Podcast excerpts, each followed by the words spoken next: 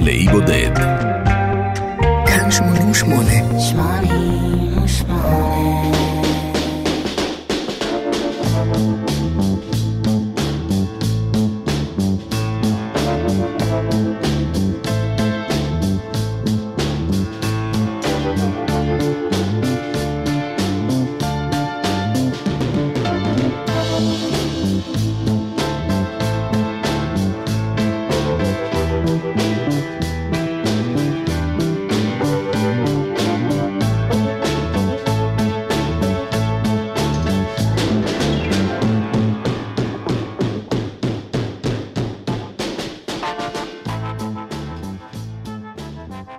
שבהם נהגנו לתרגם כל דבר לעברית, הציע יוסי כסיף, שעבד איתי שנים רבות ברשת ג', לקרוא ללהקה הבאה אפר עצם המזל.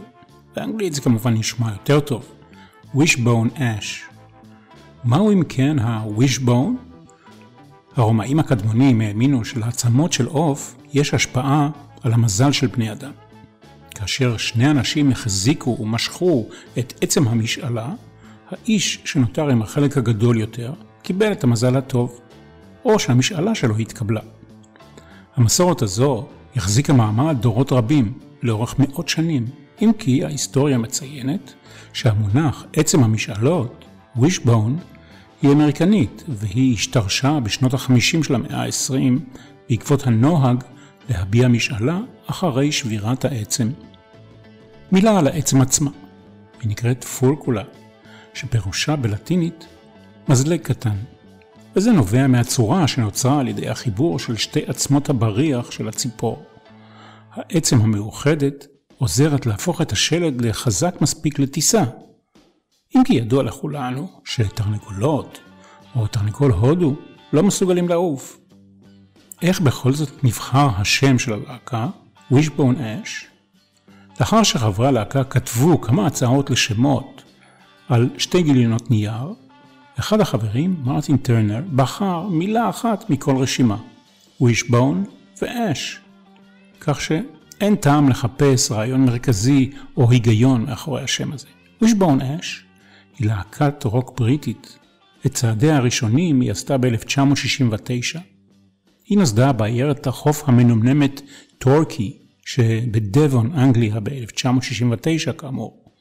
ואנחנו שתים מאותה עיירת חוף לאי בודד עם האלבום השלישי שלהם שנקרא ארגוס. השנה היא 1972. אני מנחם גרנית, אני מבטיח לכולנו הפלגה נעימה.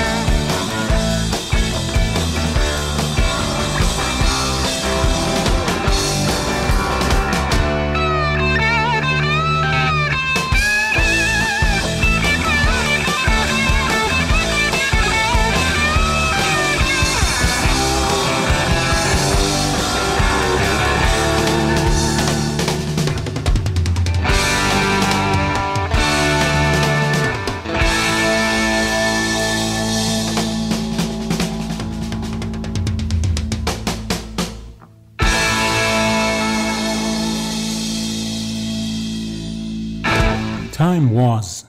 בניגוד לגיבורים רבים של כמה וכמה תוכניות שלנו על אי בודד, אני שמח לבשר כאן שכל חברי להקת וישבון אש, לפחות אלה שאחראים לאלבום הזה, כולם, נכון לזמן כתיבת שורות אלה, חיים, בריאים ושלמים.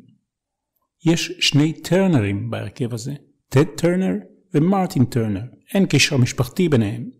יש אמנם טרנר שלישי, גלן טרנר, אח של מרטין, שהיה בהרכב של הלהקה בראשית הדרך, אבל הוא פרש בתחילת הדרך והלך הביתה.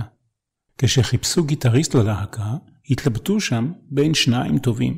בשלב מסוים הוחלט לא להחליט, והשניים נשארו, מה שהפך את וישבון אש לסוג של חלוצה בסיטואציה הזו של שני נגני גיטרה מובילה בלהקה אחת.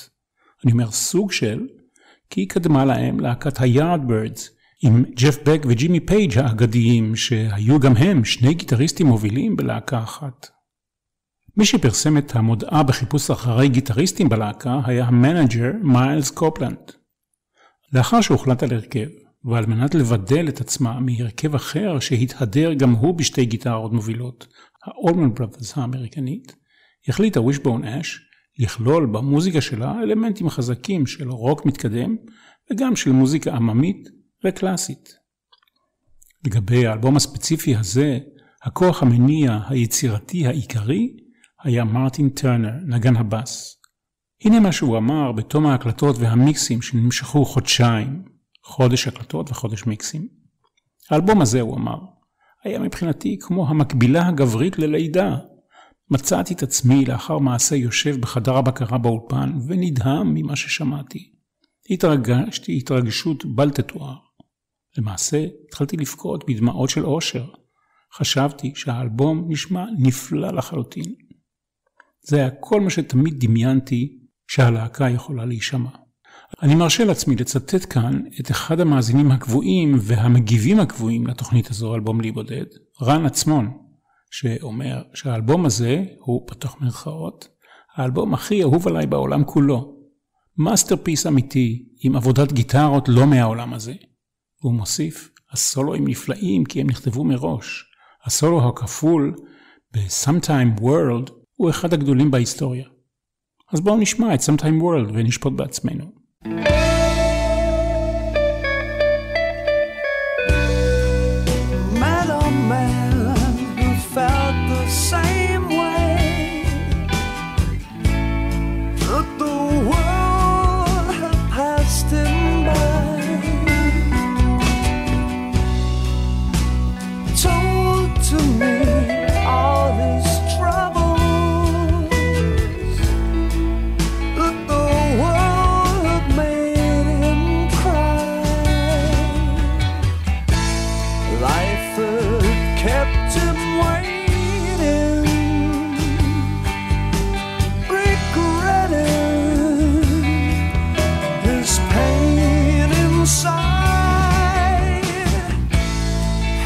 To feel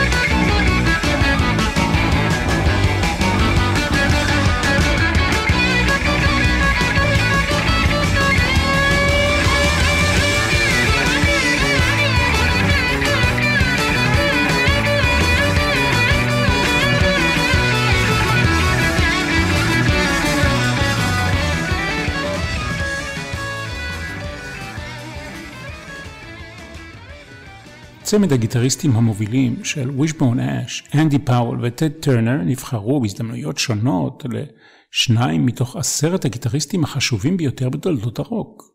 והם זכו להופיע ברשימת 20 הגיטריסטים המובילים של כל הזמנים על ידי ה Rolling Stone. השבועון Melody Maker הגדיר אותם כצוות שתי הגיטרות המעניין ביותר מאז הימים שבהם ג'ף בק וג'ימי פייג' ניגנו יחד בלהקת ה Yardbirds. כמה וכמה להקות בולטות הגדירו את Wishbone Ash, בהקשר הזה, כהרכב שהשפיע עליהם במיוחד, ביניהם Iron Maiden, Van Halen, Lynyrd Skynyrd, Dream Theater, Metallica ו Thin Lizzy המוכרת היטב בזכות צמד נגני הגיטרה המובילה שלה. בשנה שהאלבום הזה יצא, 1972, שזה לפני 50 שנה למניינם, נכון למועד שידור התוכנית הזו, קוראי המגזין Sounds הצביעו על ארגוס השלישי של Wishbone Ash כאלבום הטוב ביותר שיצא באותה השנה. יותר מ Machine Head של Deep Purple ויותר מ Ziggy Stardust של דיוויד בואי.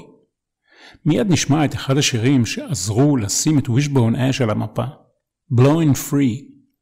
הזרעים לשיר הזה קשורים לזיכרונות של הבסיסט והסולן מרטין טרנר, מקיץ אחד של רומנטיקה בגיל ההתבגרות.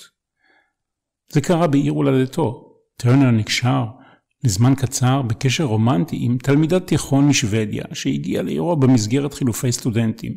קראו לה אנלינה נורדסטרום. שערה היה חום זהוב והוא התנופף חופשי ברוח כמו שדה תירס. הוא לא ידע שוודית והיא לא ידעה אנגלית, אבל משפט אחד היא כן הצליחה לקלוט כאשר טרנר שאל אותה אם הוא יכול לתת לה נשיקה, היא השיבה לו, אתה יכול לנסות. הרומן, קצר הימים הזה, התפוגג כאשר אנלינה חזרה למולדתה, אבל נשאר השיר, או כמו שטרנר מכנה אותו, המנון מפואר לרוח האהבה. Blowing Free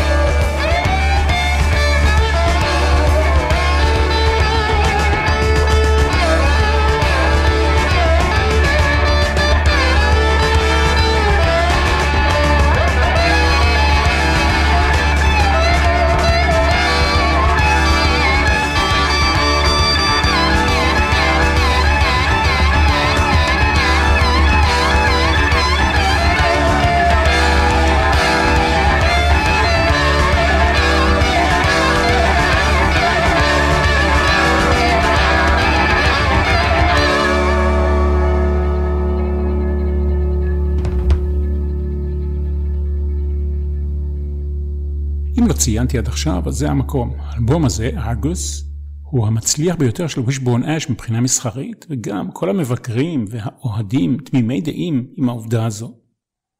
למרות שהוא לא נועד להיות אלבום קונספט, יש מוטיב מסוים, ימי ביניימי, העובר בו כחוט השני, במיוחד בצד השני של התקליט שאנחנו מגיעים אליו מיד.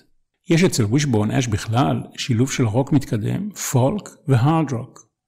טכנאי הסאונד באלבום הזה היה מרטין בירץ', שעבד גם עם Deep Purple, מאוחר יותר גם עם Black Sabbath, Iron Maiden ולהקות הארד רוק אחרות.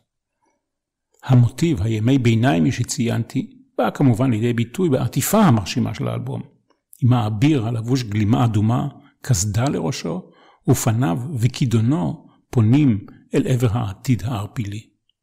העטיפה עוצבה על ידי סטורם תורגרסון, המוח היצירתי מאחורי העטיפות של רוב האלבומים של Pink Floyd, כולל Dark Side of the Moon. הקסדה והגלימה של השומר הושאלו מהסט של הסרט The Devils של קן ראסל. במקום החנית שמופיעה בעטיפה, האביר אמור היה להחזיק בידו חרב שתורגרסון ועמיתו אוברי פאוול זכרו מהסט של סרטו של רומן פולנסקי, מקבת. למרבה הצער, החרב הלכה לאיבוד אי שם בדרום צרפת. ואת מקומו תפס הכידון. מרשים לא פחות. האם מדובר בשיר הבא באביר במסע צלב לארץ הקודש? לא ברור. מה שברור הוא שהטקסט מסתמך על הברית החדשה. מדובר בקו מחשבה נוצרי שאומר שכאשר העולם ייגמר, מי שמאמין ינצל. אשרי המאמין. The King will come.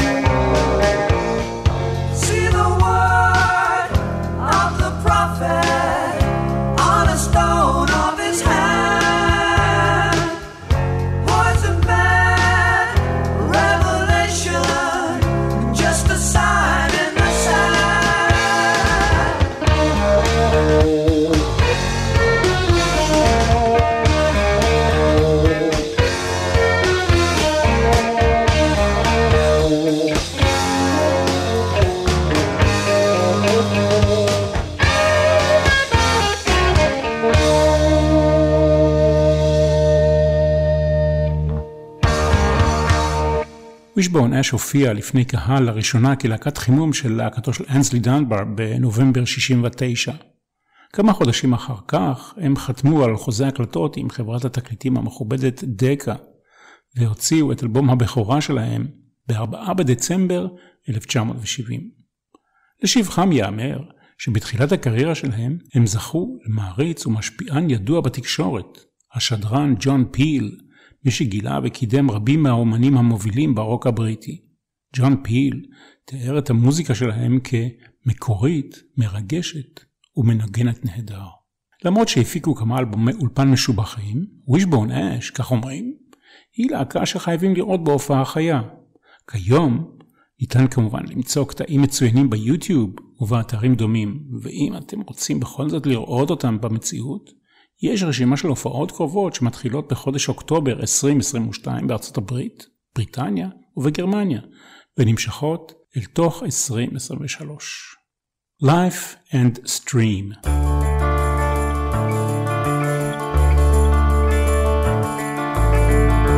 Find myself beside a stream of empty thought, like a leaf that's fallen to the ground,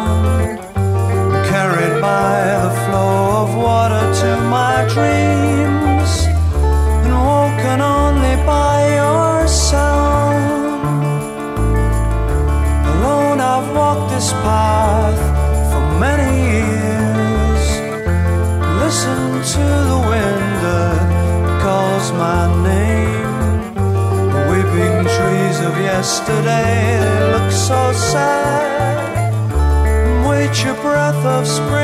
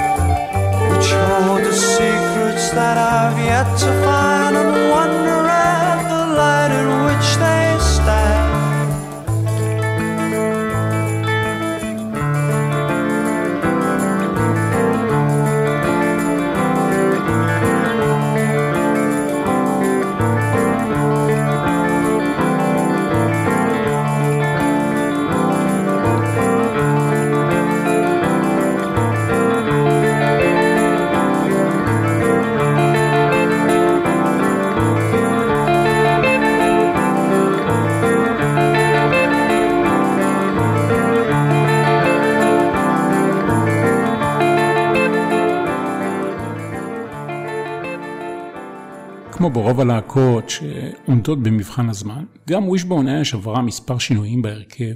לא נסבך אתכם כאן בשמות של נגנים שבאו והלכו, אבל שם אחד אני חייב להזכיר. מוזיקאי וזמר אהוד עליי במיוחד בשם ג'ון וטון. הוא החליף את אחד הטרנרים בלהקה בתחילת שנות ה-80 כנגן בס וכסולן. סולן של ממש.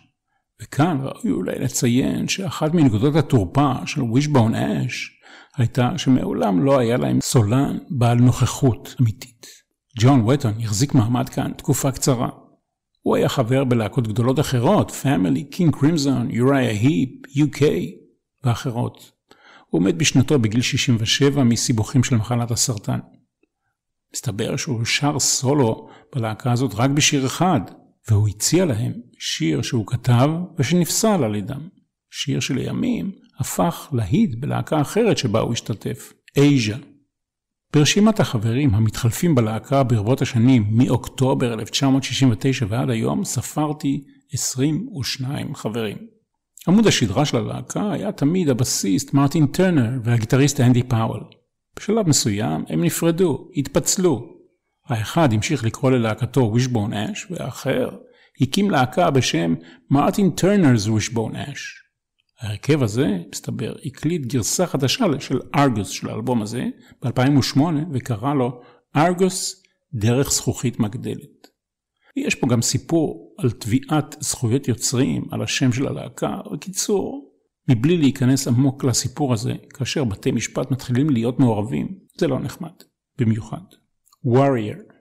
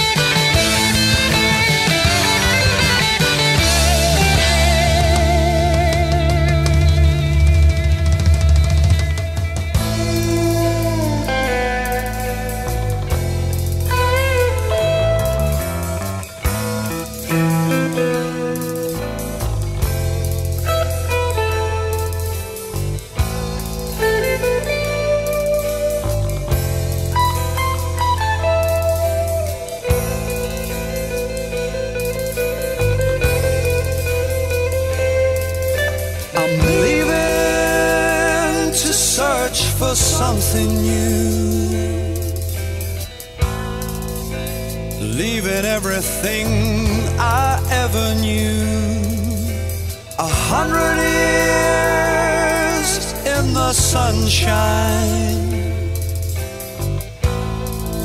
hasn't taught me all there is to know.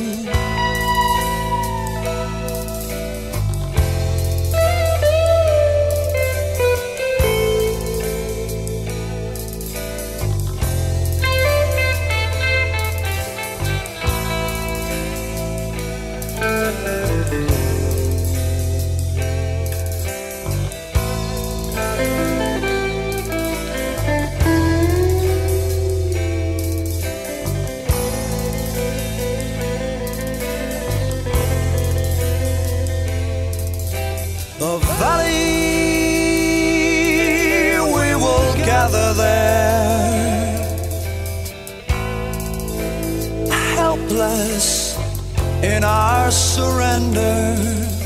Tomorrow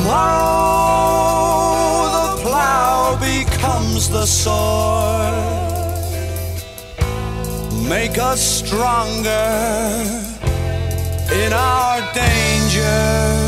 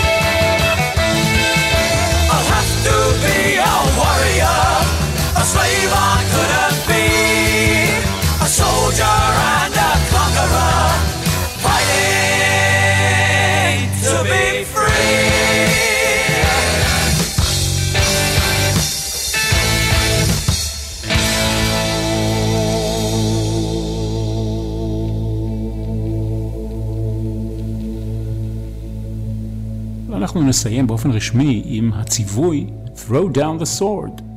זו כנראה החרב מהסרט של פולנסקי שהלכה לאיבוד בדרום צרפת. באורגן מנגן כאן ג'ון טאוט, חבר מלהקת רנסאנס, אחת מלהקות הרוק המתקדם הסימפטיות של אותה התקופה. ועוד משפט אחד של אחד הגולשים והמאזינים לתוכנית, מאיר ליברמן, וכך הוא אומר: שני גיטריסטים ברמה אלוהית, סולואים אינטליגנטיים משולבים אחד בשני באומנות נפלאה. אחד מהם, אנדי פאוול, מנגן את הסולו המהמם בקטע הסיום של Ashes are Burning של להקת רנסאנס. מומלץ להאזין גם לקטע ההוא. ואני כמובן מצטרף להמלצה. חזרנו במכונת הזמן 50 שנים לאחור אל ימי הזוהר של הרוק המתקדם בכלל ושל ווישבורן אש בפרט.